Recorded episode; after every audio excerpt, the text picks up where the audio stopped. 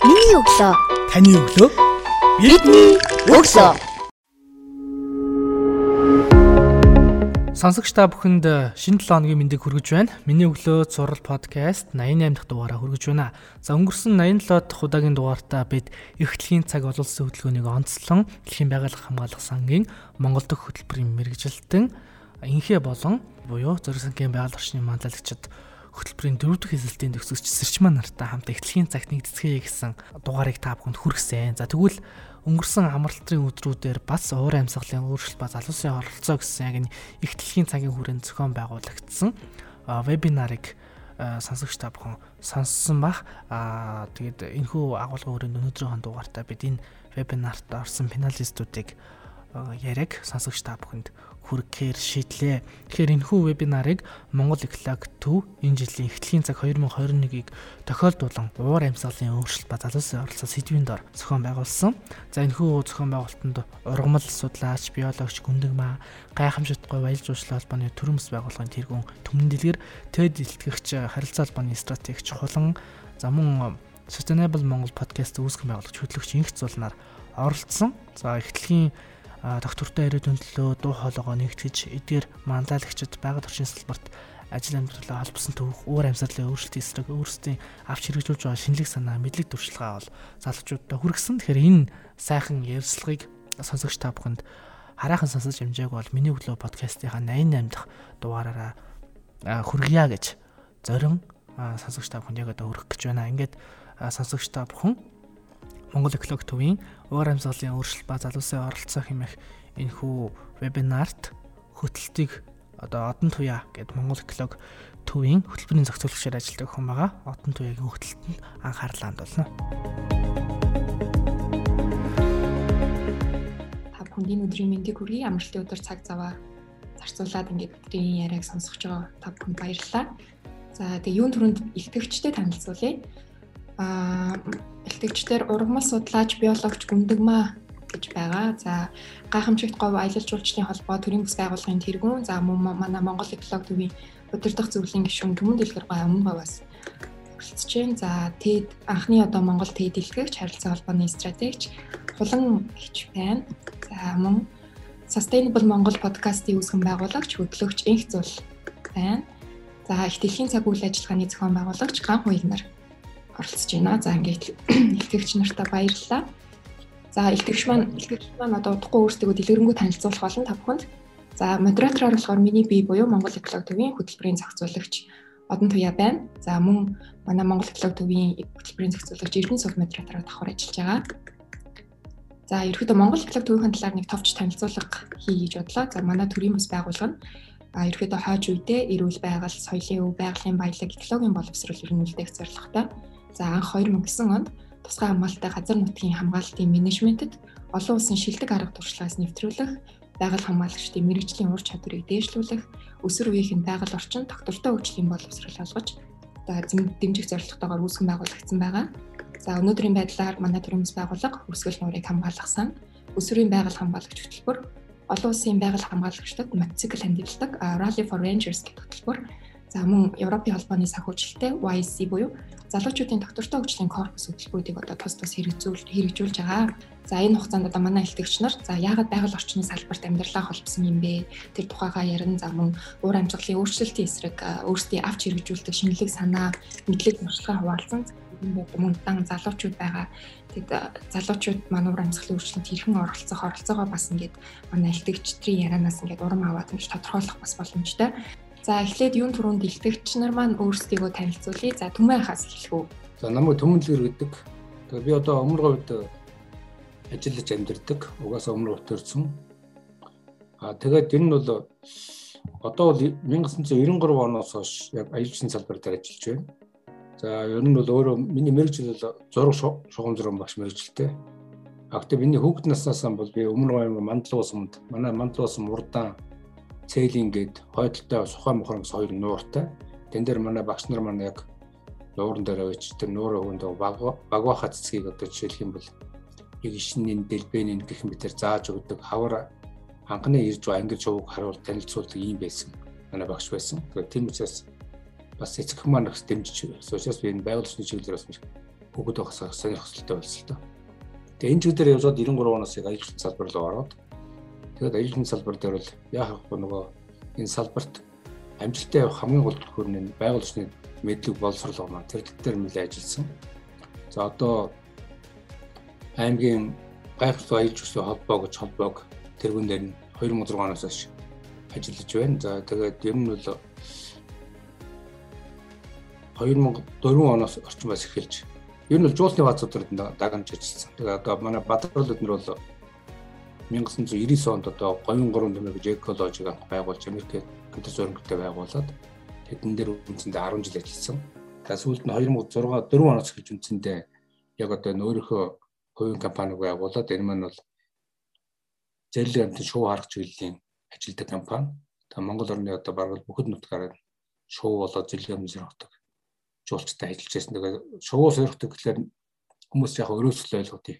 Шоу болоод зэрлэг амтыг сонирхож судална гэдэг бол өөрөө түүний амьдрах орчин болоод ер нь түүнийх нь одоо амьдралын онцлогтой танилцах болов учраас ямар одоо ямар чухал амьтан хаана амьдарч байна тэр орчных нь биологийн төрөлжүүлэлттэй зайлшгүй танилцах хэрэгтэй болж байна. Тиймээс энэ чиглэлээр нэлээ ажил та нарын одоо энэ уур амьсгалын өөрчлөлттэй холбоотой нь уулзалтанд оролцож байгаа бас та нар үрж оролцуулсан зэрэг баяртай байна. Тэгээд цааш цааш ярилцаа авчаа гэж байна. Аа баярлалаа Тумайх. За хулыгч өөрийгөө танилцуулах уу? За та бүхэнд энэ өдрийн мэндийг хүргэе. Амралтын өдрөө уур амьсгалын өөрчлөлтийн тухай мэдлэг олох гээд бидэнтэй ярилцах гээд цагаа хуслаад ингээ оролцож байгаа та бүхэнд баярлалаа. Нийтдээ 78 хүн ороод ирсэн байна. Энэ бол үнэхээр баяртай тийм бахтууштай гэж би бодож байна. Залуучууд маань маш итгэвтэй байна. За намайг Батуйгийн хулан гэдэг та бүхэн ерөнхийдөө танилцуулгаас нь урьдсан баг. Тэгэхээр би цагийг аль болох хэмнэх үүднээс түргэн яриад явчих. За би Монголд 2014 онд ирсэн. Өмнө нь бол Шанхай хотод Бүгнээр хамтлагийн тадарт улсын Шанхай хотод сурч байлаа, ажиллаж байлаа. За дараа нь Хонконг, Швед, Англи гэх мэт улсуудад бол ажиллаж исэн туршлагатай. За тэгээд 14 онд Монголд ирээд тэрнээсээ хойшоо бол а суурин байна. За одоогоор бол би үндэсний статистикийн хуруунд зөвлөхөөр ажиллаж байна. За мөн Project Management Institute улсын төслийн удирдлагын институтийн Монгол дахь салбарын ерөнхий нарийн бичгийн даргаар ажиллаж байна. За сая Түмэн ахтаас ярилцаа сууж илаа. Манай аавын аав тэр бол Унгар аймгийн Хамбогт самынхаас манай нутгийн ах оролцож байгаа. За ингээд өнөөдөр бид нар мэдээллийг хүргэнэ гэж найдаж байна. Баярлалаа. За баярлалаа. За манай гүндгмаагч ороод ирсэн байна. За гүндгмаагч өөрийгөө танилцуулах уу? За сайн байцгаана уу? Та бүгд энэ өдөр ямар амгалан ялдах яа. За миний би болохоор Монгол Улсын боловсролын их сургуулийн биологийн тэнхимд уран судлалын багшаар ажилладаг. За тэгэхээр энэ байгальтай холбогдсон хэсэг маань гэхээр ерөөсөө бусдад адилхан ерөнхий боловсролын дунд сургуулаа төгсөөд одоо Монгол Улсын боловсролын сургуулийн биологи ангид элсэн суралцж түүнээс хойш одоо энэ салбартаа салшгүй нэг талбайтай ажиллаж байна. За миний хувьд болохоор ерөнхийдөө нийт нэг 20 гаруй төсөл хөтөлбөр төр ажилласан байдаг. За 20 гаруй төсөл хөтөлбөрийн хамгийн нэг чухал бас сонирхолтой за намайг бас энэ өндөр уулын ургамлын чиглэлээр өндөр уулын ургамал тэр дундаа ур амьсгалын боос ур ур амьсгалт одоо мэдрэг ургамлын судалгааг хийх зорилгыг тэмүүлийг бий болгосон нэг төсөл маань болохоор Оросын албаны улсын Санкт Петербургийн их сургуулийн газар зүйн салбарын мөс цас судлаач хүмүүстэй хамтран ажилласан явдал байдаг. За энэ нь болохоор одоо мөс цаас одоо жилээс жил бидний энэ олон судалгааны үр дүнд болохоор жилээс жилд мөнх цаас мөсөн голууд маань одоо нэг одоо зуны хугацаанд 3 газар 5 м хүртэл одоо хайлсан нь болохоор маш их асуудал тэр орой ол би бараг тэр шүн бол унтаж чадаагүй. За энэ мөс мөнх цаас мөсөн голтоо хил залгаа энэ ургамлууд маань цаашдээ цаашид яах бол ямар хувь зай тосч байгаа бол энэ төрлийн судалгааг хүмүүс хийсэн байт юм болов гэдэг энэ асуудал нь бол эргээгээд миний одоо энэ судалгааг хийх гол үндслэл болж өгсөн аа. За тэгээд цааш цаашдын асуудлаар нарийсгаад ярилцаад явъя. За тэгээ баярлалаа гүндэмэгч. За ган хуйг өөрийгөө танилцуулах уу? а ихтгэлийн цагийг өчигдөр бас 27 27 онд 27 онд амжилттай зохион байгуулсан байгаа тийм ээ. За баярлалаа. Юуны өмнө өрсөнд баярлалаа. Эхлэлийн цагийг энэ зохион байгуулсан агига төлөвлөлтөд уурын салгын үржилтийн хөө вебинарт оролцохдоо баяртай байна. А ерөнхийдөө манай төсөвчтэй холбооны зүгээс байгаль орчны мандалагчдын зориг сангийн хөтөлбөр байдаг. За энэ жил бол 12 дахь жилдээ хэрэгжиж байгаа. Тэгээд эхлэлийн цаг Монголд бас 12 дахь жилдээ өчтөрөөс зохион байгуулагдлаа онлайнаар цар тахлын улмаас бид хүн сүүлийн 2 жил дундаа онлайнаар зохион байгуулалтын дээр ажиллаж байгаа.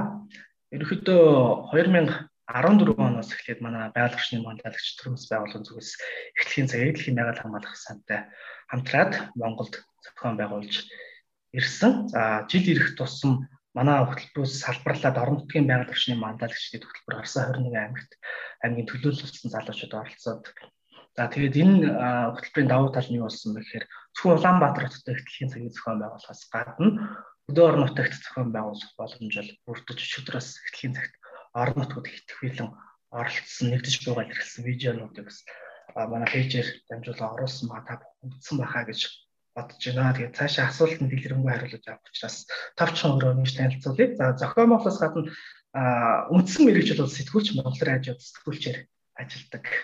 За баярлалаа гамхига. За их зүйл өөрийгөө танилцуулах юм байна. Сүлжээлдэгч.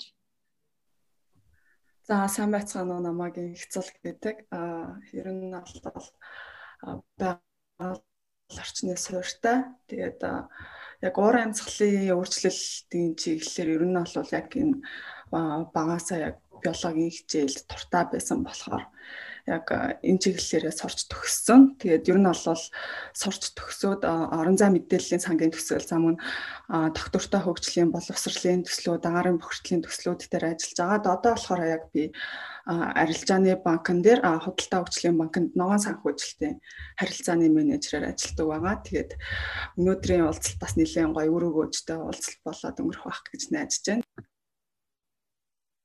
За тэгэлгүй яах вэ баярлалаа хэвцэлээ. За манай одоо нөгөө зочд маань ерөөхдөө за гүндэг маягч болохоор яг судлаач биологи судлаач мэрэгжилтэй илүү одоо нөгөө байгаль орчинтай ингээ мэрэгжлийн чиглэлээр ажилдаг гэх юм уу. За бус нь бол ерөөхдөө ингээд янз бүрийн одоо жишээ нь ган хугмаа сэтгүүлч гэж юм те. За хуулагч болохоор нөгөө BMI ажилдаг гэдэг. Ерөөхдөө ингээд нөгөө байгаль орчинтай ингээд холбогдсон түүхүүд маш их сонирхолтой байж магадгүй л те. Тийм болохоор энэ жилийн асуултаас одоо эхлэе гэж бодож байна. За хулгай хичээс хэлэх бод та яагаад ингэ байгаль орчны чиглэл рүү ингэж анхаарал хандуулдаг. Та тэгээд бас уур амьсгалын үйлчлэлийн талаар TED Talk хийх тийм олон төрсэн байдаг шүү дээ. Тэр талаараа та нэрээ. За баярлаа. За сая одноо хэлсэнчлэн би бол харилцаа холбооны стратегч мэрэгжилтэй. Тэгэхээр яг одоо байгаль судлаач ч юм уу эсвэл ургамал судлаач мэрэгжлийн хүн бол биш. А миний мэрэгжил бол өөрөө маркетер. А тэгээд эндээсээ одоо хөгжиж явсаар байгаа одоо харилцаа холбооны стратегч мэрэгчлэр ажиллаж байна.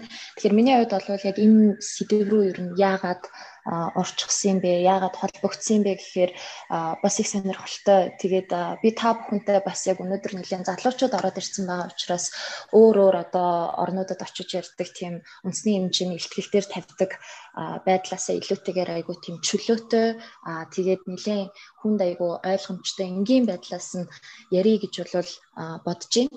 За тэгээд миний хувьд бол өөрөө 14 онд Монголд яг эргэж ирээд Аа тэгээд хувийн секторт ажиллаж эхэлсэн. За тэгээд хувийн секторт бол маркетраар ажиллаад эхлэхэд надад манай Монгол байгууллагууд Монгол одоо хувийн секторт байгаа бизнесүүд маань ерөнхийдөө маркетингийн шинжлэх ухааныг гүн гүнзгий учирлаж ойлгоно гэхээсээ илүүтэй арай жоохон тийм ойрхон харьцтай байгаад байгаа юм шиг санагдсан л та. Дийлэнх нь бол маркетинг гэдгийг илүү сурталчилгаа гэдэг талаас нь хараад байсан. Тийм болохоор миний зүгээс за ер нь бол энэ маркетингийн шинжлэх ухааныг сэтгэл зүйн шинжлэх ухаантай шууд холбосон байдлаар нь хүмүүс зөв ойлгуулах нь айгүй хэрэгтэй юм байна. Тийм болохоор гээд тэр үедээ одоо зориглоод өөрийнхөө маркетингийн агентлагийг үүсгэн байгуулж исэн.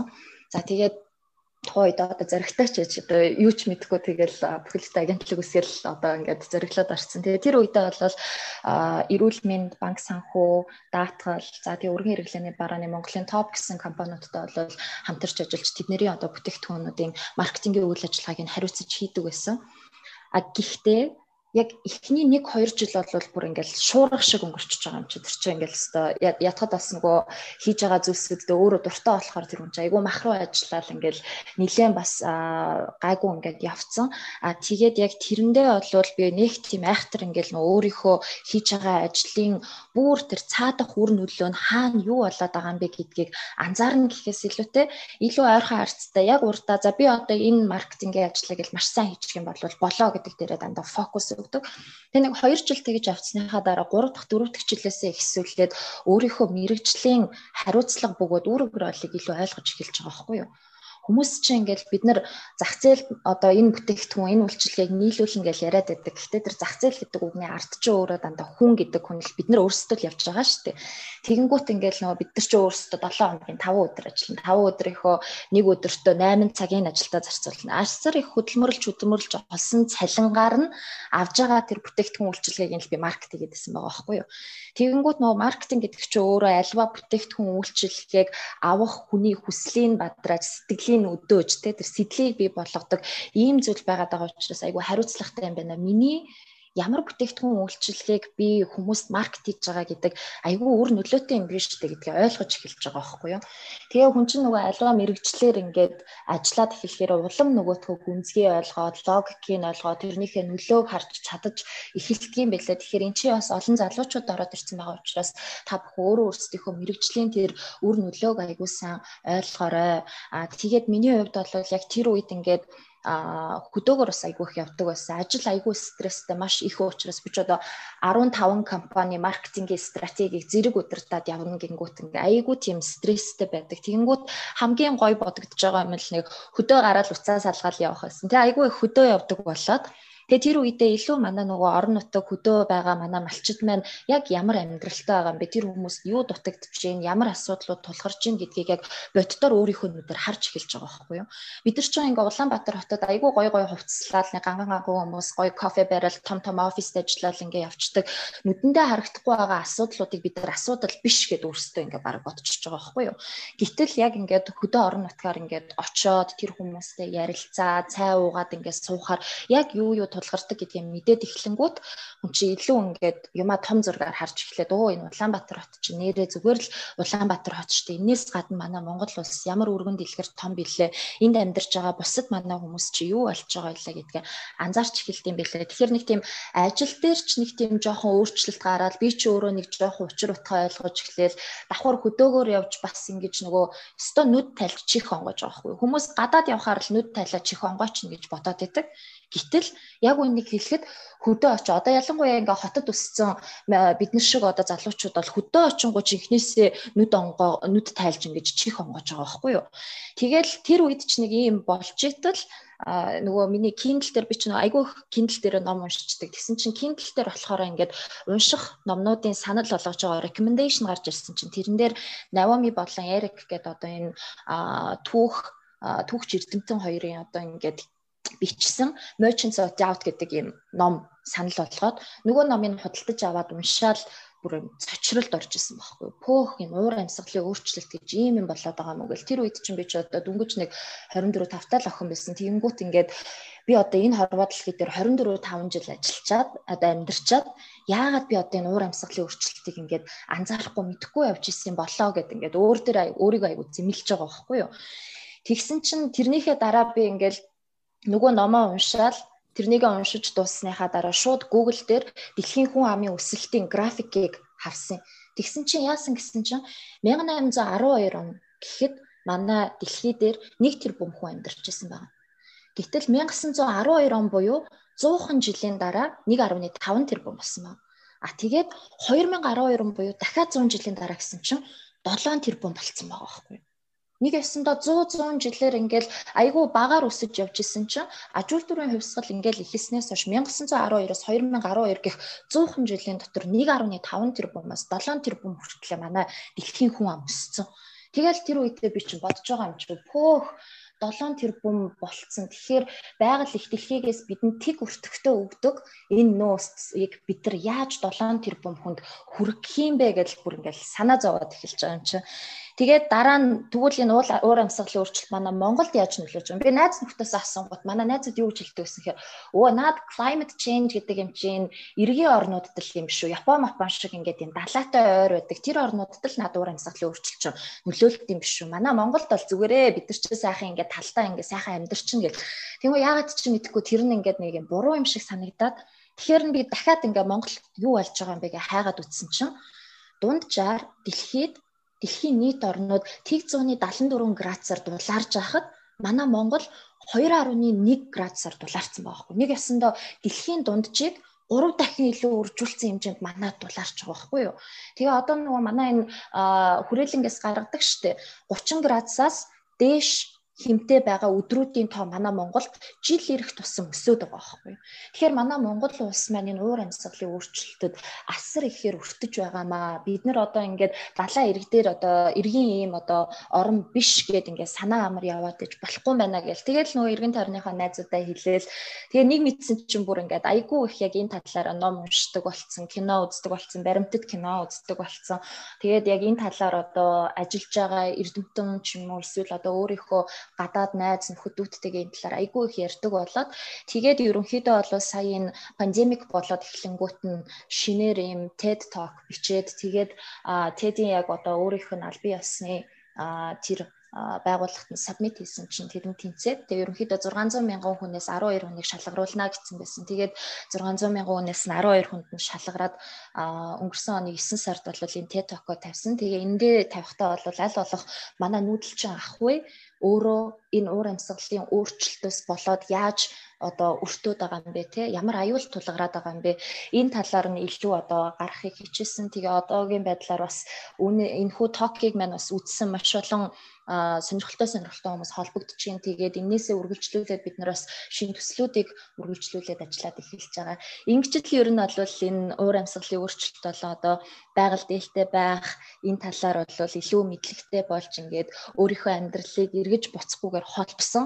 А тэгээд ер нь одоо тэ би ингээд зүгээр тухайн үед манай агентлагч чинь бусад Монголд байгаа агентлагуудыг бодвол 35-аас 40%-ийн 40%-аар илүү тийм одоо өндөр төлбөртэй байсан. Би яг тэр одоо хувийнхаа бизнесийг хийгээд ингээ яваад исэн бол магадгүй санхүүгийн хувьд бол хамаагүй илүү доктортой байх байсан гэж магадгүй л тээ. Гэхдээ би чи энэ хорвоод ганцхан амьдрын шүү дээ. Ганц амьдарч байгаа юм чи амьдралаа утга учиртай өнгөрүүлээд эргээд харахад бас ингээд өөрөөсөө том зүйлийн төлөө нэг ингээд жижигхэн ингээд өөрийнхөө гисэн зүйлсүүдээ ингээд золиослцсон байх бол миний хувьд нэг тийм асуудал биш юм шиг ингээд санагцсан. Тийм учраас илүү одоо ингээд ашиг гээд хөөж явна гэхээсээ илүүтэй байгальтай ээлтэй, нийгэмдээ ээлтэй ийм ажлын төлөө явах юм бол илүү зүгээр юм байна гэж ойлгосон. Тэгэхгүйгээр бид нар ч одоо ингээл за ингээд ганц амьдралаа ингээд амьдарч гэхдээ энэ амьдралтаа би жоохон онцгой амьдарчлаа. Дараагийн амьдралтаа айтайхан амьдарчна гэдэг сонголт бидэрт байдаггүй шүү дээ. Тийм болохоор яг энэ ганц амьдарч байгаа энэ амьдралтаа бүгдээрээ нийгэмдээ ч тэр байгальтай ч тэр ээлтэй энэ ингэж амьдрах юм бол илүү зүгээр юм байна л гэж бодсон. Тэгээ ер нь бол илүү их сонирхолтой болсон да. Баярлалаа. Хулын хичээн нөгөө орлсон TikTok-ийн ихтгэлийн нөгөө линкийг явуулчихсан байна. Чат руу хүмүүс сонирхч явуулаас орж үзээрэй. Энэ вебинарын дараа. За тэгээ хэдүүлээ нөгөө уур амьсгалын өөрчлөлт гэдэг энэ сэдв рүү гүн орохоосоо өмнө би гүндгмаа багшаас одоо асуух асуулт байна. За яг уур амьсгалын өөрчлөлт гэж юу вэ? Яг мэрэгжлийн хүний өнцгөөс танад бид нэр тайлбарлаач. Яг ямар хүчин зүйлсээс шалтгаалж бий болоод байдаг юм бэ?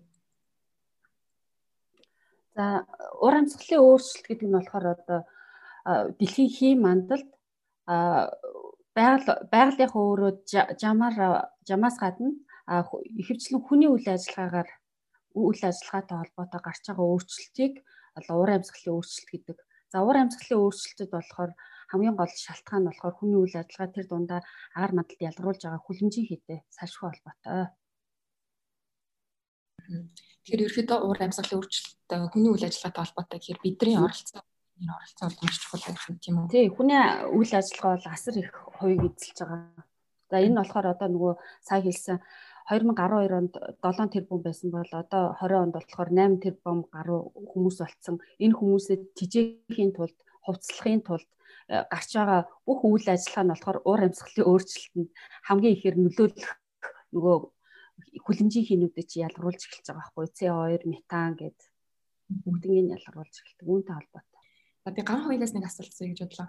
Түрүү нөгөө нэг уур амьсгалын өөрчлөлт маань өөрөө хүний үйл ажиллагаа болон за хүлэмжийн ялгарлаас болоод нэг нөлөөлгөө өгсөн байгаа тийм ээ. За их дэлхийн цаг гэдэг үйл ажиллагаа маань өөр одоо нөгөө их дэлхийг амраах тийм зорилготой үйл ажиллагаа байгаа штэ тий. Хэдийгээр нэг цагийн турш гэрлээ унтраа гэж ураад нөлөөллийн арга хэмжээ боловч цаад мессеж нь бол том гэж хардаг. За тэгээ ер нь ихтгэлийн цаг арга хэмжээний ач холбогдлын талаар жоохон дэлгэрэнгүй бид нарт ярьж өгөөч ээ. За ер нь бол за тэгээд мөн одоо одоо жишээ нь одоо жил бүрийн ихтгэлийн цагаар одоо Улаанбаатар хот хичнээн цахилгаан хэмнэж хүлэмжийн хийн ялгарлыг хэдэн хувиар буурладаг тийм тооцоо судалгаа бий юм бол бид нарт хуваалцаж байна гэж байна. За дэлхийн нийтээр яг энэ ихтгэлийн цагийг 2007-оос эхлэн тэмдэглэн өнгөрүүлж байгаа. Тэгээ манай Монгол улсад бол 2010-оос эхлэн тэмдэглэж эхэлсэн. Яг талбай өмнө яг бид нар нөгөө ковидын үед сүүлийн жилүүдэд дандаа онлайнаар зохион байгуулалтын дээр ажиллаж явж байгаа гэж хэлсэн. Өмнө нь яг цэцэрлэг түрээлэн ч юм уу талбай гэдэг нөгөө нийтийг хамарсан газар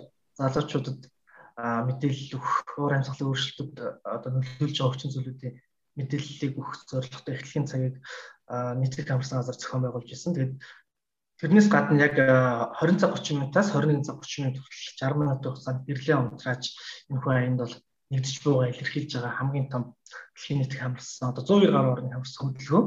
Тэгэд 18 онд сүүл талбай дээр зохион байгуулсан зөвхөн Улаанбаатар хотын одоо Сүхбаатарын талбай 90 тойрон дахь гэрлийг унтрааснаар эрчим хүчний зохицуулах ороноос гаргасан тийм тоо байсан. Аа яг Катабат цаг нь бол мартчих а байгаа зүйл гэх юм бол тэр киловатт цаг нь хүлэмжийн ялгалыг 121 кг ууруулсантай тэнцвүүц а одоо жинлэж үзэх юм бол уур амьсгалыг өөрчлөлтийг юу гэдгийг агаарт нөлөөлөх төр хортын утаг бол хэмнэж чадсан үзүүлэлттэй гэж гарч ирсэн судалгаа байт юм билээ. Тэгээд ер нь бол бид нар зөвхөн талбай хэрэг тойронд гэлтэхгүй Монгол улс дайраа гэрлээ онцгойж нэгтгэх юм бол энэс ч илүү сайхан хөгдөн гарч ирэх боломж бол бидэнд байгаа. Тэгээ хамгийн эхлээд нөгөө байгаль орчинтой холбогдсон төлөвлөлөө яриач гэж хэлжсэн шүү дээ. Тэгэхээр би өөрөө сэтгүүлч мэрэгчлээ болохоор яг энэ байгаль орчны чиглэл рүү төлөхөө яг өгч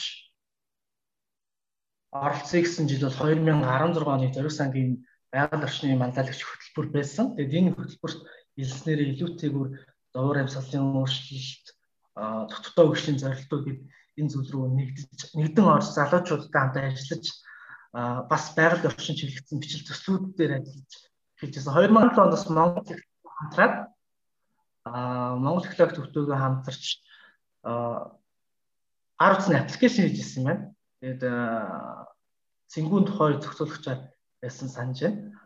Нөгөө төрийн төрлийн тийм зүйлүүд байна. Тэгээд гол нь эхлэлийн цаг гэдэг хөдөлгөөнд бид нар нэгдснээр илүү олон хүмүүсийг цаашаа хүрээллээ ийм гол зорилготой инвест бол хөдөлж одоо хүрээлж бусдыг хүрээлэн дуудаж байгаа юм хүү. Эхлэхийн туссан хөдөлгөөнийг илүү олон нэгдээс мэдээс тэг өчигдрийн юм гэх юм бол бид бүхэн онлайнаар зохион байгуулалт хийлээ. Хүмүүс ч гэсэн өөрсдөө нэгдэж байгаа нэр хэлээ зураг дараад хүүхдээ захим орчинд бусдад хуваалцсан. Жилээс ирэх жилээс жилд одоо энэ эхлэхийн цагийн ач холбогдлыг ойлгож байгаа хувь хүн албан байгууллагууд нэгдэж байгаа хүмүүсийн тоо нэмэгдэж байгаад зохион байгуулагчдын зүгээс маш их баяртай байгаа.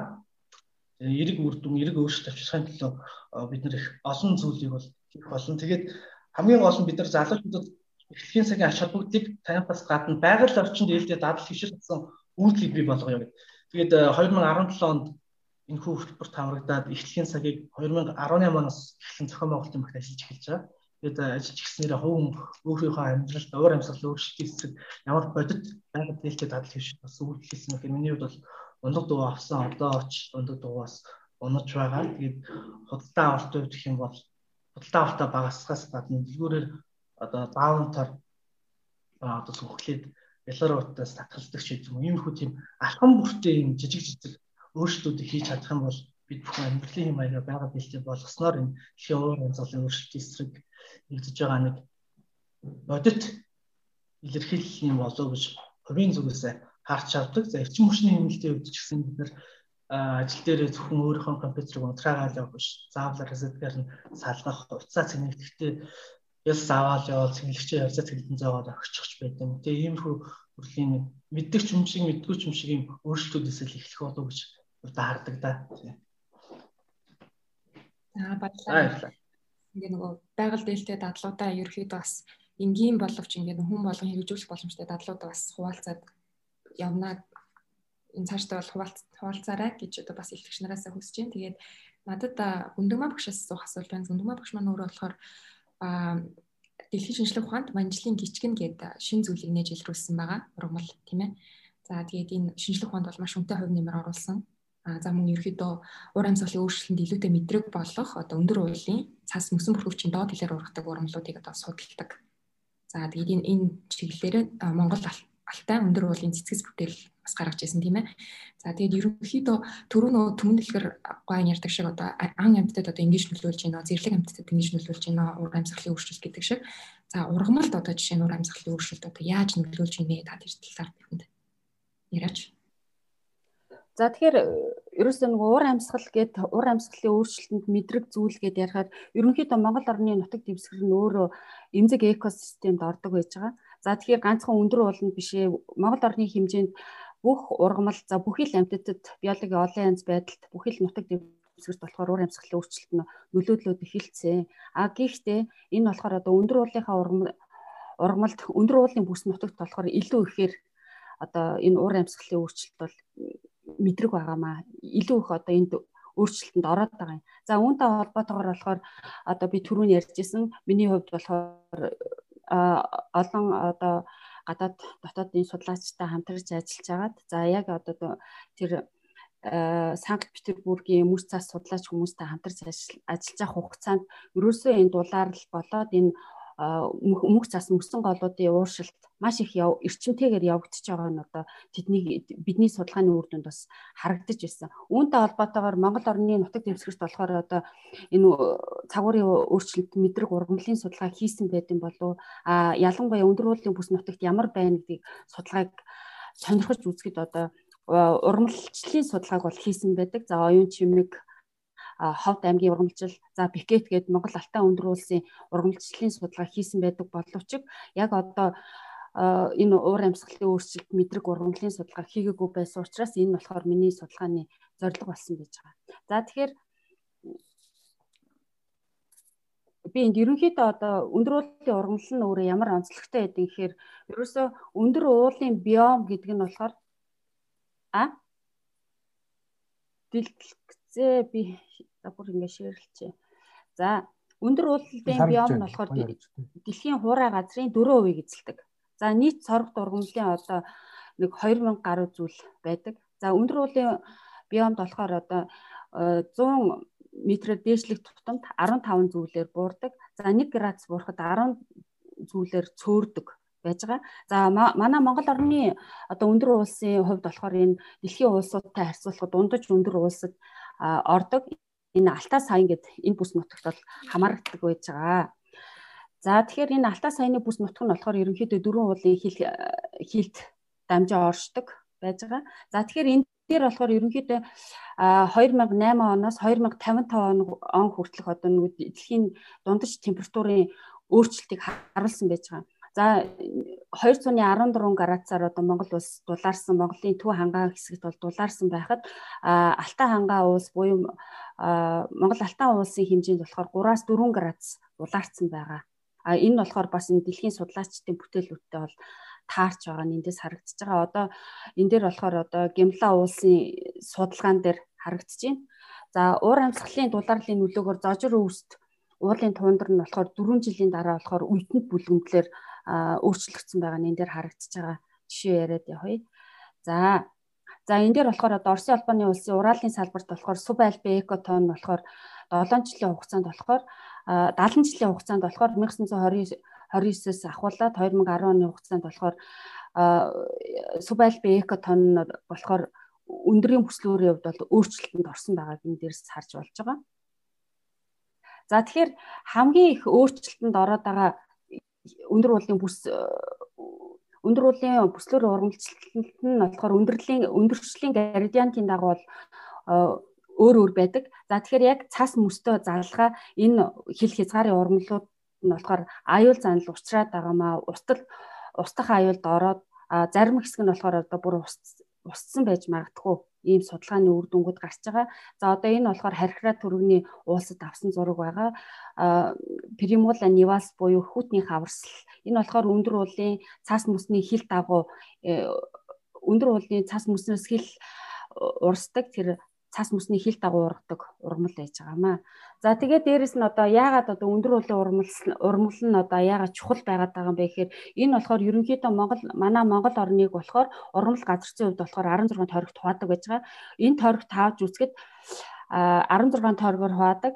За ингээд нийт Монголд байгаа зүйлийн бүрдлийг бүгдээрээ мэдэж авъя. Энэ дээр болохоор 112 овгийн 683 төрлийн 3127 зүйл ургамал бол 2014 оны судалгаагаар болохоор нийт тархан ургаж байна. Үүнээс манай Монгол Алтан бүслүүрт болохоор 1636 зүйл буюу нийт нөгөө Монгол орнд тархан ургаж байгаа ургамлын 50 зүйл нь болохоор 50 гаруй хувь нь болохоор энэ Монгол Алтан бүс бүслүүрт ургадсан байна.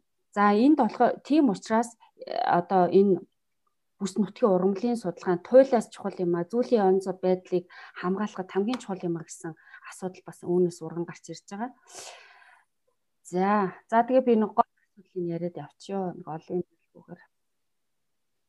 За тэгээд ингээд бид нар ингэ судалгааг аваад үзэхэд болохоор цаас мөсний хил цаас мөсний хил буюу одоо дид суб альпийн бүслүүрээс уулын царам хүртлэх альп таг царам хүртэл одоо хичнээн зүйл урмал байна гэж авч үзсэн чинь 560 гаруй зүйл урмал байна. За тэгээд энэчнээс авч үзгээд бид нар бол бас судалгааны явцад бол шин тойргуудыг Монгол алтан тойрогт болохоор Монгол алтан тойрог 8 зүйл буюу ерөөсөө Монгол Монгол орны ургамлын аймагт бол 8 зүйлийг шинээр тодорхойлж гаргасан байж байгаа ийм 8 зүйл байна. За энэ нь болохоор Монгол алтан тойрогт, а нэг зүйл нь болохоор ховдын тойрогт За мөн 2019 оны 1 сард болохоор бид нэр Увс аймгийн түргэн сумаас болохоор мөн нэг зүйлийн хялган буюу Степен Ховданинсис гэдэг энэ зүйлийг болохоор Монголын элхийн шинжилгээ ухаанд шинээр бас бүртгүүлсэн байж байгаа. За мөн энэтэй холбоотойгоор болохоор 80 гаруй шин тархац нутгийг илрүүлсэн байж байгаамаа. За тэгээд энэ дээр бас одоо шин тархац одоо жишээлбэл энэ энэ зурган дээр болохоор Говь Алтай аймгийн Тонхол сумын сутаагаас олсон ийм зүйл байна. За микроула тубетика гэдэг ийм зүйл байдаг. За тэгээд энэ дээр болохоор өндөр уулын бүс нутагт өөр юу тохиолдод байгаа юм бэ гэхээр зөвхөн өндөр уулынхаа бүс нутагт ургадаг унгой ургамал гэж байдаг. Тэр ууландаа л ургадаг ийм ургамал байдаг. Үүнээс авч үзэх юм бол бидний судалгааны бүс нутагт 22 зүйл ургамал бол байгаа нь байгааг илрүүлсэн байж байгаа. За тэгээд энэ дээр болохоор бид нар одоо уур амьсгалын өөрчлөлт мэдрэх зүйлүүдийн судалгааг бас хийж үтсэн. Энэ дээр болохоор гурван үндсэн үзүүлэлтээр авч үтсэн. Энийг болохоор одоо ерөнхийдөө судлаачтай авч үздэг асуудлууд яж байгаа бүс нутгийн хэмжээнд товрдож буй зүйлүүд за бэд нь болохоор бүс нутгийн болон Монголын унгын ургамлууд цэд нь амьдрах орчинд аюулт өртсөн ургамлууд гэсэн гурван үндсэн шалгуураар авч үзсэн ба. За ингээд болохоор нийт нэг 68 зүйл ургамал бүртгэгдсэн. Үүнд болохоор одоо бүс нутгийн хэмжээнд товрдож байгаа зүйл гэхэд чинь 24 зүйл. За унган болон бүс нутгийн унгын ургамал гэхэд 23 зүйл. За амьдрах орчинд аюулт өртсөн буюу цаг уурын өөрчлөлтөнд ороод аюулд орж байгаа, устгах аюулд орж ирж байгаа нэг 21 зүйл байгаа гаргаж ирсэн байж байгаа. Үүнд болохоор бид нэр болохоор ямар арга хэмжээ авсан бэ гэхээр миний хувьд болохоор өөр надад одоо том шийдвэр гаргадаг нөлөө бүхий хүн биш а гэхдээ би өөрийнхөө судалгааны төвшөнд болохоор 2019 онд хэвлэгдсэн энэ Монгол улсын улаан дансанд болохоор өөрийн 42 зүйл одоо өндөр уулын бүс нутгийн ургамлыг одоо санал дэвшүүлж оруулж оруулсан байж байгаа. Үүнээс одоо устж болцсохгүй 19 зүйл, эмзэг 15 зүйл, ховордож болцсохгүй нэг зүйл гээд энэ зүйлүүдийг болохоор одоо оруулсан байж байгаа. Үүнээс гадна өндөр уулын бүс одоо юу тохиолдод байгаа юм бэ гэхээр одоо яалтч авахгүй энд одоо бидний бэлчээрийн даац хитэрсэн за бэлчээрийн мал аж ахуй маш их их тоо толгоо ихсэн үүнтэй холбоотойгоор болохоор одоо түрүүний бас хүн хэлжсэн яасан ямар асуудлууд үүсэж байгаа юм бэ гэхээр ерөөсөө гэрээ мал нь болохоор зэрлэг малынхаа э, малтаага одоо нэг ялангуяа одоо жилийн дөрвөн улирлын хавар өвлийн бэлчээр нь бол нэг болсон. Нэг болсон байж байгаа. Тэгээд энэ энэ дээр болохоор одоо нөгөө бэлчээрийн даац, нэгтрэлийн асуудал, за бэлчээр тагаа тэр ургамлын асуудал бол маш их аюулт учраад байгаа нь болохоор бидний удаа дараагийн судалгаагаар бол тогтож гарсан байдаг.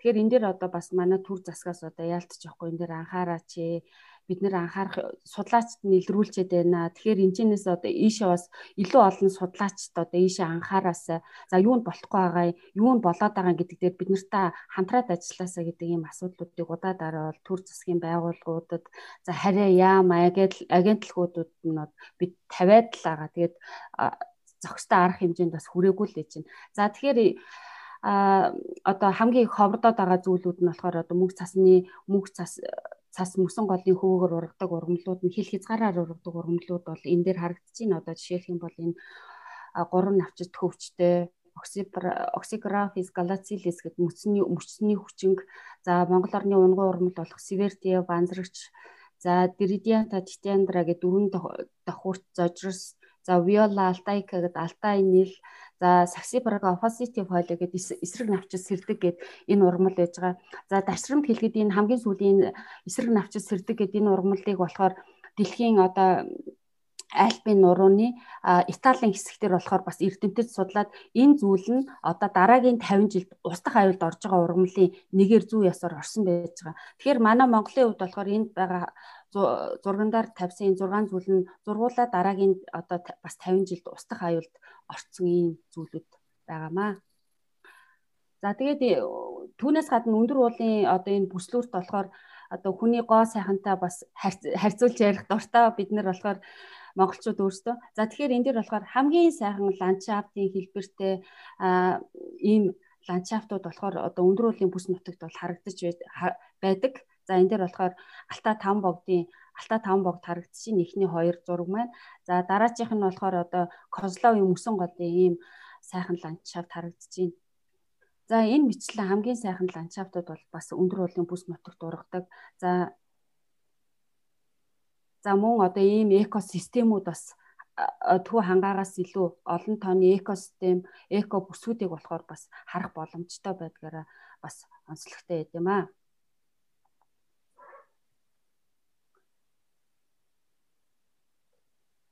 За тэгэхээр энэ ерөнхийдөө энэ дээр за ургамалдаар жишээ аваад яар чи ерөнхийдөө одоо юу тохиолдоод байгаа юм бэ гэхээр хамгийн нэгдүгürt нь болохоор энэ дээр биднэрт болохоор нөгөө бичээрийн талхагдал малын тоо толгой өөрчлөлт энэ дээр маш ихээр нөлөөлж байгаа. За үүнд мэдээж одоо уур амьсгалын өөрчлөлт гэдэг нь бол одоо бид энийг бол зогсоож чадахгүй эргэл боцолтгүй үйл явц байж байгаа. Энд одоо яаж энэ ургамлын олон янз, биологийн олон янз байдал за мөн одоо бид яаж энд дасан зогсож амьдрах вэ гэдэг асуудал бол чухал байж байгаа. За үүнээс гадна болохоор энэ ойн савгийн сангийн хомсдол гэдэг энэ асуудал бол маш чухал байж байгаа. А дараагийн бас нэг асуудал нь болохоор бид нар одоо энэ уул уурхайн асуудал бол маш чухал асуудал бас байж байгаа. Энэ дээр бас бид нар хамтарч ажиллах, цаашид яах вэ, ямар яаж зохистойгоор ашиглах вэ гэдэг асуудал бол асуудал болоод үлдсээр байж байгаа. За нэг ерөнхийдөө нэг иймэрхүү асуудлууд байгаад байгаа. Би гол асуудлуудыг ярьчих. За тэгээд энэ одоо хамгааллын бодлого нь болохоор олон улсын төвшөнд, үндэсний төвшөнд, орон нутгийн төвшөнд, бүс нутгийн төвшөнд гээд янз бүрийн төвшөнд ярьж байгаа боловч төдийлөн одоо нөгөө үр дүнтэйгээр бид нэр хэрэгжүүлж чадахгүй байгаа.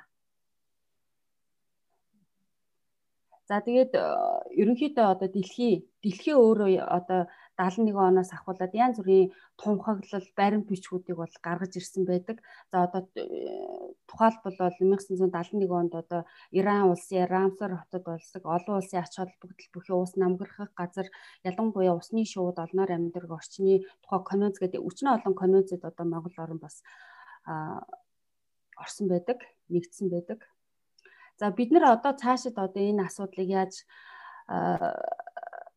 олон нийтийн олон нийтэд хүргэх вэ? Ийм асуудал болоод байна гэдгийг хүргөхээ гэдэг нь одоо бас танаа энэ сайхан уулзалт бас урьж оролцуулсанд маш их баяртай байна. За тэгэхээр одоо энэ өндөр уулын ургамал ургамал амтд эдгээр нь болохоор ямар аюул занал учруулад байгаа юм. За ховрдож байгаа энэ ургамлуудад одоо цаашид ямар арга хэмжээ авах юм, цаашид ямар нарийн судалгаа хийх юм гэдэг нь болохоор асуудал хэвээр үлдээд байгаа юм. Тэгэхээр одоо бид нэр цаашид одоо ямар арга хэмжээ авах вэ? Хүмүүст энэ уур амьсгалын өөрчлөлтийг яаж мэдрүүлэх вэ? За тэгээд яаж арга хэмжээ авах вэ цаашид гэдэг нь болохоор бас л одоо энэ бас нэг асуудлыг шийдвэрлэх зам нь байж магадгүй гэдэг байдлаар бол би бас оруулаад тавьчлаа. Баярлалаа. хэлээд түрүү нөгөө төмөндлэр ахын хэлдгээр нөгөө ургамал ч өөрөө их чухал учир нөгөө зэрлэг амьтдын хоол болдог тийм ээ. Тэрийг урамшлууд нь хавардмаа хоолгүй болон хоолгүй баснаар мэдээж бас устна гэсэн яг л нөгөө дэлхий дээр байгаа бүх юм хоорондоо хамааралтай байдаг учраас юм. Тийм. Ерөөсөө урмал урахад хамгийн чухал юм нь болохоор үүс цаас бидний амьдрахад бол одоо уус гэдэг бол хамгийн чухал асуудал байгаа. Үүнээс дараагийн нэг асуудал болохоор ерөөсөө бидний амьдралын оршихуй үндэс нь бол ерөөсөө л ургамал гэж экосистемийн оршихуй үндэс нь тэр дундаа экосистемийн суурь нь бол ургамал юм аа. Ургамал нь болохоор одоо өчнөө олон амьтдын идэж тижэл орон гэр нь болж өгдөг учраас бид нар бол энэ ургамал гэдэг асуудал дээр болохоор зайлшгүй анхаарах нь чухал юм аа л гэж яриад байгаа юм. Гүндмаа багш нэг асуулт ирсэн байна. За нэмсрэн гэдэг юмас асуусан байна. Энэ их сонирхолтой асуулт учраас би одоо шууд асуучих гэж бодож байна. Уур амьсгалын өөрчлөлт маань энэ хатуу хөл хорионы үед хэрхэн өөрчлөгдөж байна вэ? Дэлхийн эрчим хүч бохирдол багассан нь уур амьсгалын өөрчлөлтөнд хэр зэрэг нөлөөсөн юм болоо энэ талаар мэдсэн юм байна уу? Дэлгэрэнгүй хэлж өгч болох уу гинэ? За энэ болохоор одоо одоо хэсэг зур болохоор маш таатаагаар одоо биологийн амьтад болоод амьтадд болоод урмалд бол тодорхой хэмжээгээр таатаа байгаа. Одоо жишээлх юм бол одоо урд өмнө үзэгдэж байгаагүй амьтад одоо хотуудад үзэгдэж байна. За урд өмнө ерөөсөө байдгүй загаснууд болохоор одоо далаа тэнгисийн усанд одоо харагдаж байна. Далаа эрг орчмоор ийм амьтад байна. За ялангуяа өмнө Гэхдээ манай Улаанбаатар хотын хувьд бас эргэлзээтэй асуудал байгаад байгаа. Яагаад тэгэхээр одоо хэдийгээр одоо Улаанбаатар ийм олон амьтад орж ирлээ, харагдлаа гэж байгаа нь болохоор Монгол орны хувьд болохоор асуудалтай. Яагаад тэгэхээр энэ зам болохоор маш их дантай. За тэгээд дээрэс нь өвс ногоо хэдийгээр нөгөө бороо ороод байгаа боловч уралтын ургах үед болохоор ус багтаа байсан хураашилтай байсан учраас ургамал ургах цагтаа ургаагүй а зөвхөн одоо нөгөө 7 сарын сүүлээр 7 сарын дундуураас наадмаас хойш зарим газараа бол хур тунцс буусан байдаг. Үүнтэй холбоотойгоор болохоор нөгөө цөөн настууд, 1 2 настууд, хөл газрын ургамлууд одоо нөгөө малт болоод байгалийн амьтдад тийм ашигтай бос шин тижээлтэй бос ургамлууд ургасан нь болохоор эргээгээд энэ одоо амьтдад муугаар нөлөөлж ич тижээл тижээлийн ховрдолд орж бас хот руу орж ирж байгаа нь бас ажиглагдчихж байгаа. За баярлалаа. Энэ маш за та дэлгэцийн ширлээ болчихгоо тий юу болсон. За би асуух асуулт байна л да. Заглагч манай хөгжиж буй орнуудын доктортой хөгжлийг дэмжлэх чиглэлээр одоо ажилладаг гэж байсан. Тэгээд та одоо Монгол ч гэсэн хөгжиж байгаа орн шүү дээ тийм үү? Аа их орондоо одоо доктортой хөгжил бий болох нь бид одоо цаар авч үзэх олон хэсэг одоо тийм амжилттай хэрэгжүүлдэг гэдэг тийм менежментийн арга болж байна. Болгоос нь төвшүүлэх юмсан харсан юм байдаг гэж бодож байна уучлаарай. Одноо ярианых нь сүүлийн хэсэг сонсогдсонгүй. Нилээ аяархан болоо уучлаа. Аа их орондоо одоо тогтвортой хөгжил бий болгох юм бол олон улсад одоо амжилттай хэрэгждэг тийм менежментийн арга барилыг бидэнтэй хуваалцаач. Аа за баярлалаа. Аа энэ асуултад магадгүй нэг гурван хэсгээр хариулвал илүү зүгээр байж магадгүй гэж бодож байна л та. Эхлээд бид нар сая бол бид нар яг энэ Монгол улстай манай зэрлэг амьтдад ямар нөлөөлөл үзүүлж байна. За манай ургамал судлаач гүндэг маягчийн хувьд бол одоо ургамал дээр ямар нөлөө үзүүлж байна гэдэг талаар ярьж байна. А бидний хувьд болохоор бас нэг юм олон улсад юу болоод байгаа вэ? Прогноз нь юу болоод байгаа вэ гэдэг талаар бас нэг товчхон мэдээлэл хүргэж байгаа дээрх юм бол илүү ойлгомжтой гэж магадгүй гэж бодож байна л та. Тэгэхээр нэгдсэн үндэсний байгууллагын Тайланд бол одоо 2050 он гэхэд яг энэ уур амьсгалын өөрчлөлтөөс шалтгаалаад 200 сая хүн одоо уур амьсгалын өөрчлөлтөөс шалтгаалсан цагаач нар болно гэж ярьж байгаа байхгүй climate refuge гэж ярьдаг тийм ээ. Тэгэхээр 200 сая хүн өөрсдийн нутгаасаа түлхэгдэж орон гэргүй болж те нутаг усгүй болно гэдэг ийм прогноз гараад ирсэн байна.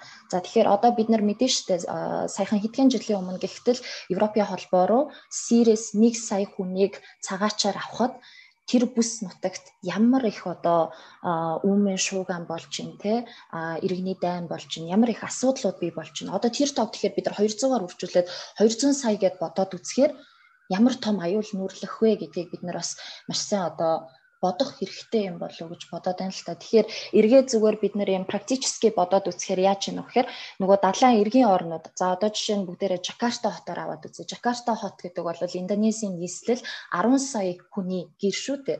Тэгэхээр бид нэр одоо хэрвээ CO2-гийн одоо эмишнийг а бүр юм одоо эрс багасахгүй байх юм бол 2050 он гэхэд Жакарта хот усан дор орно гэж байгаа байхгүй юу 10 сая хүн гэр оронгүй болно За тэгэнгүүт мэдээж нөгөө далайн эргийн орнууд ч өөрсдөө яах вэ гэхээр төрүүгээ нүүдэлж эхэлнэ.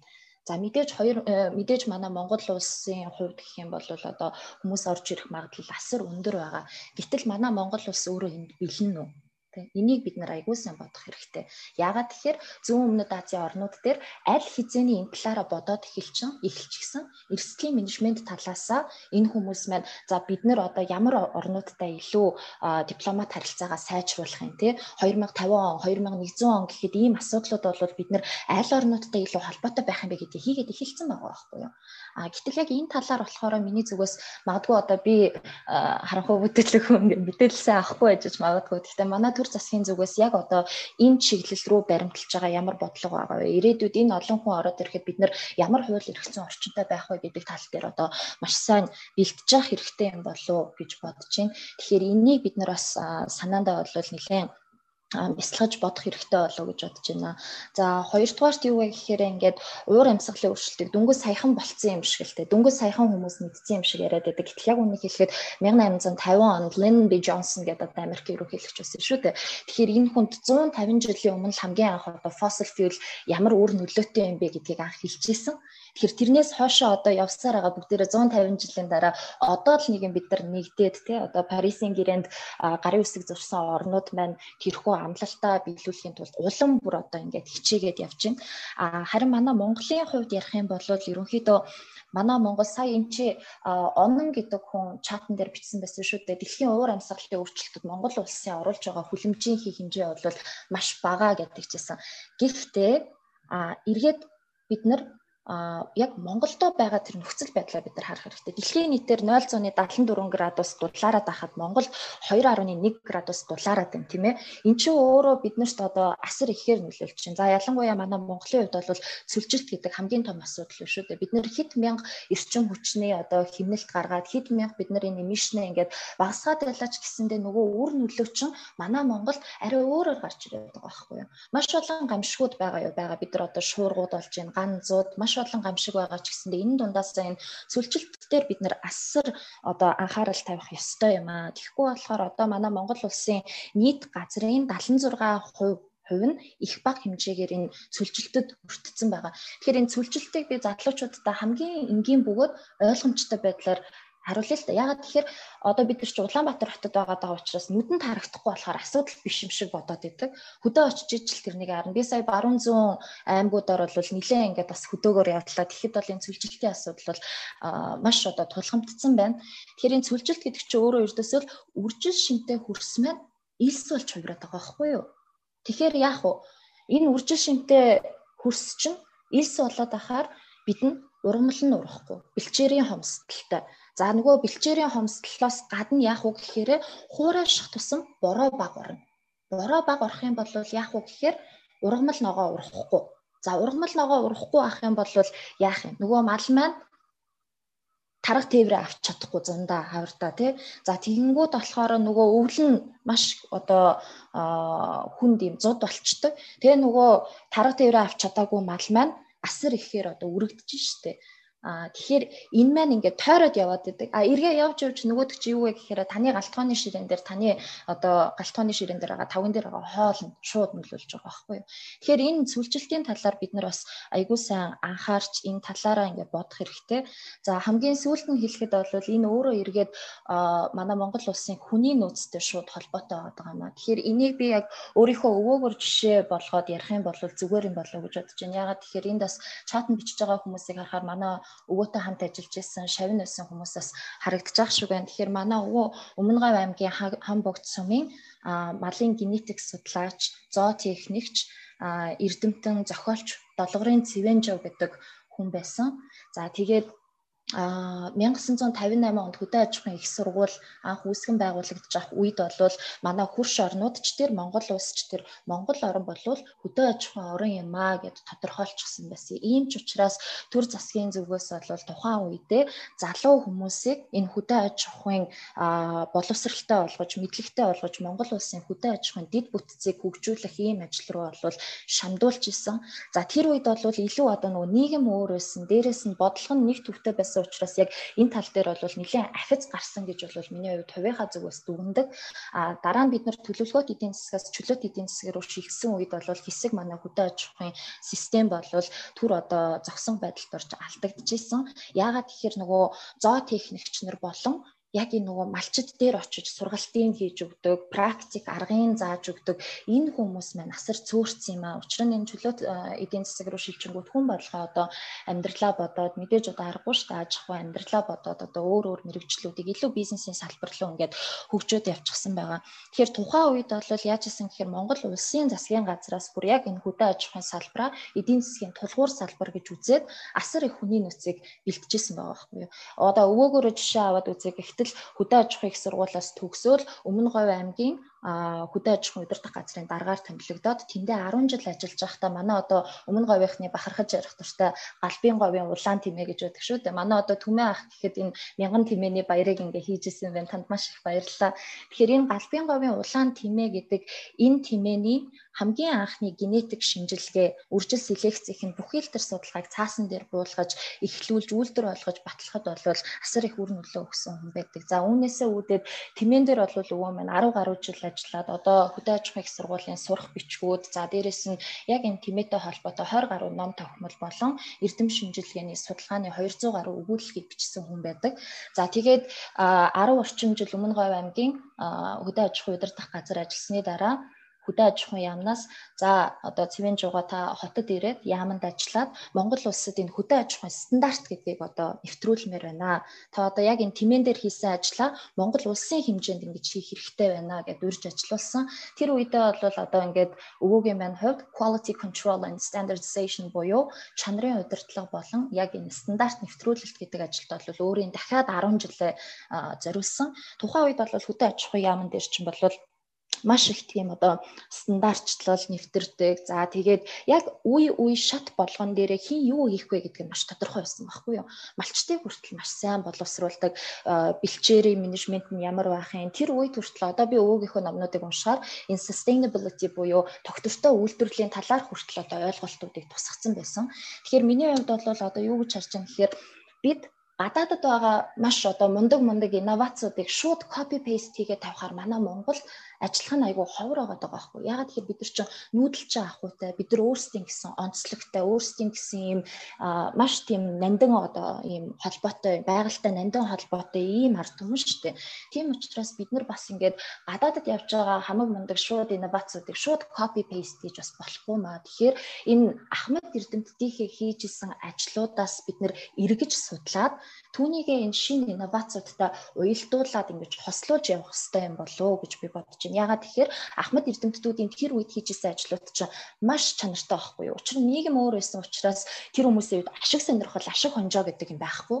Айгуу сэтгэлээрээ бүр ингээд яг одоо би өвөөгөө хүртэл мэдж байгаа юм. Тэмээ болгон дээр очивол ноосыг өөрөө ингээд судлаад хамаг юмаа бичээл ингээд явдаг. Манай Ахмад Эрдэмтэд бол маш сайн ажил хийсэн.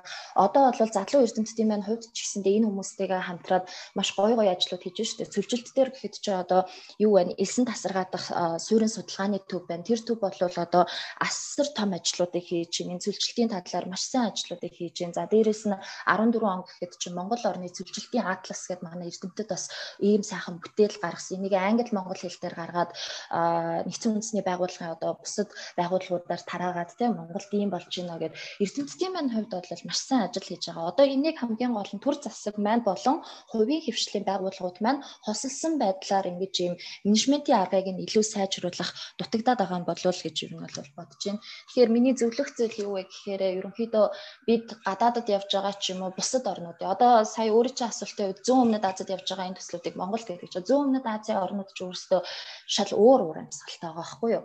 Тэр газрууд ч одоо халуун орн шүү дээ тий.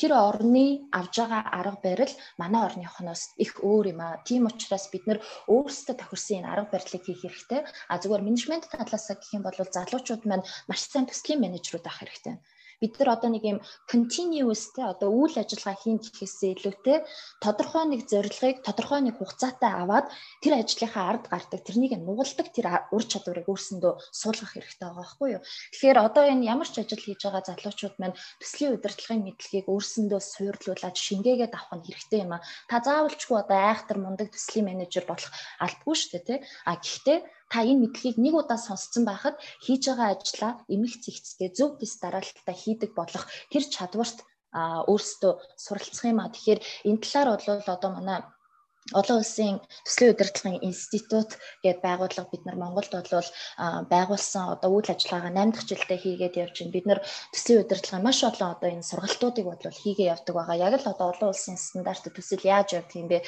Тэр мэдлэгийг бид нар Монгол хэлээр Монгол залуучуудад түгээгээд явж байгаа. Тэгэхээр энэ дотор байгаа одоо нийтдээ бараг 100 гаруй хүмүүс сая цуглдсан байсан. Энэ дотор ямар ч ажил хийж байгаа хүүхэд байлаа гэсэн бүгдээрээ энэ талаар бол аягуулсан ингээд суралцаад явах нь хэрэгтэй юм бол болоо гэж бодож байна. Баярлалаа.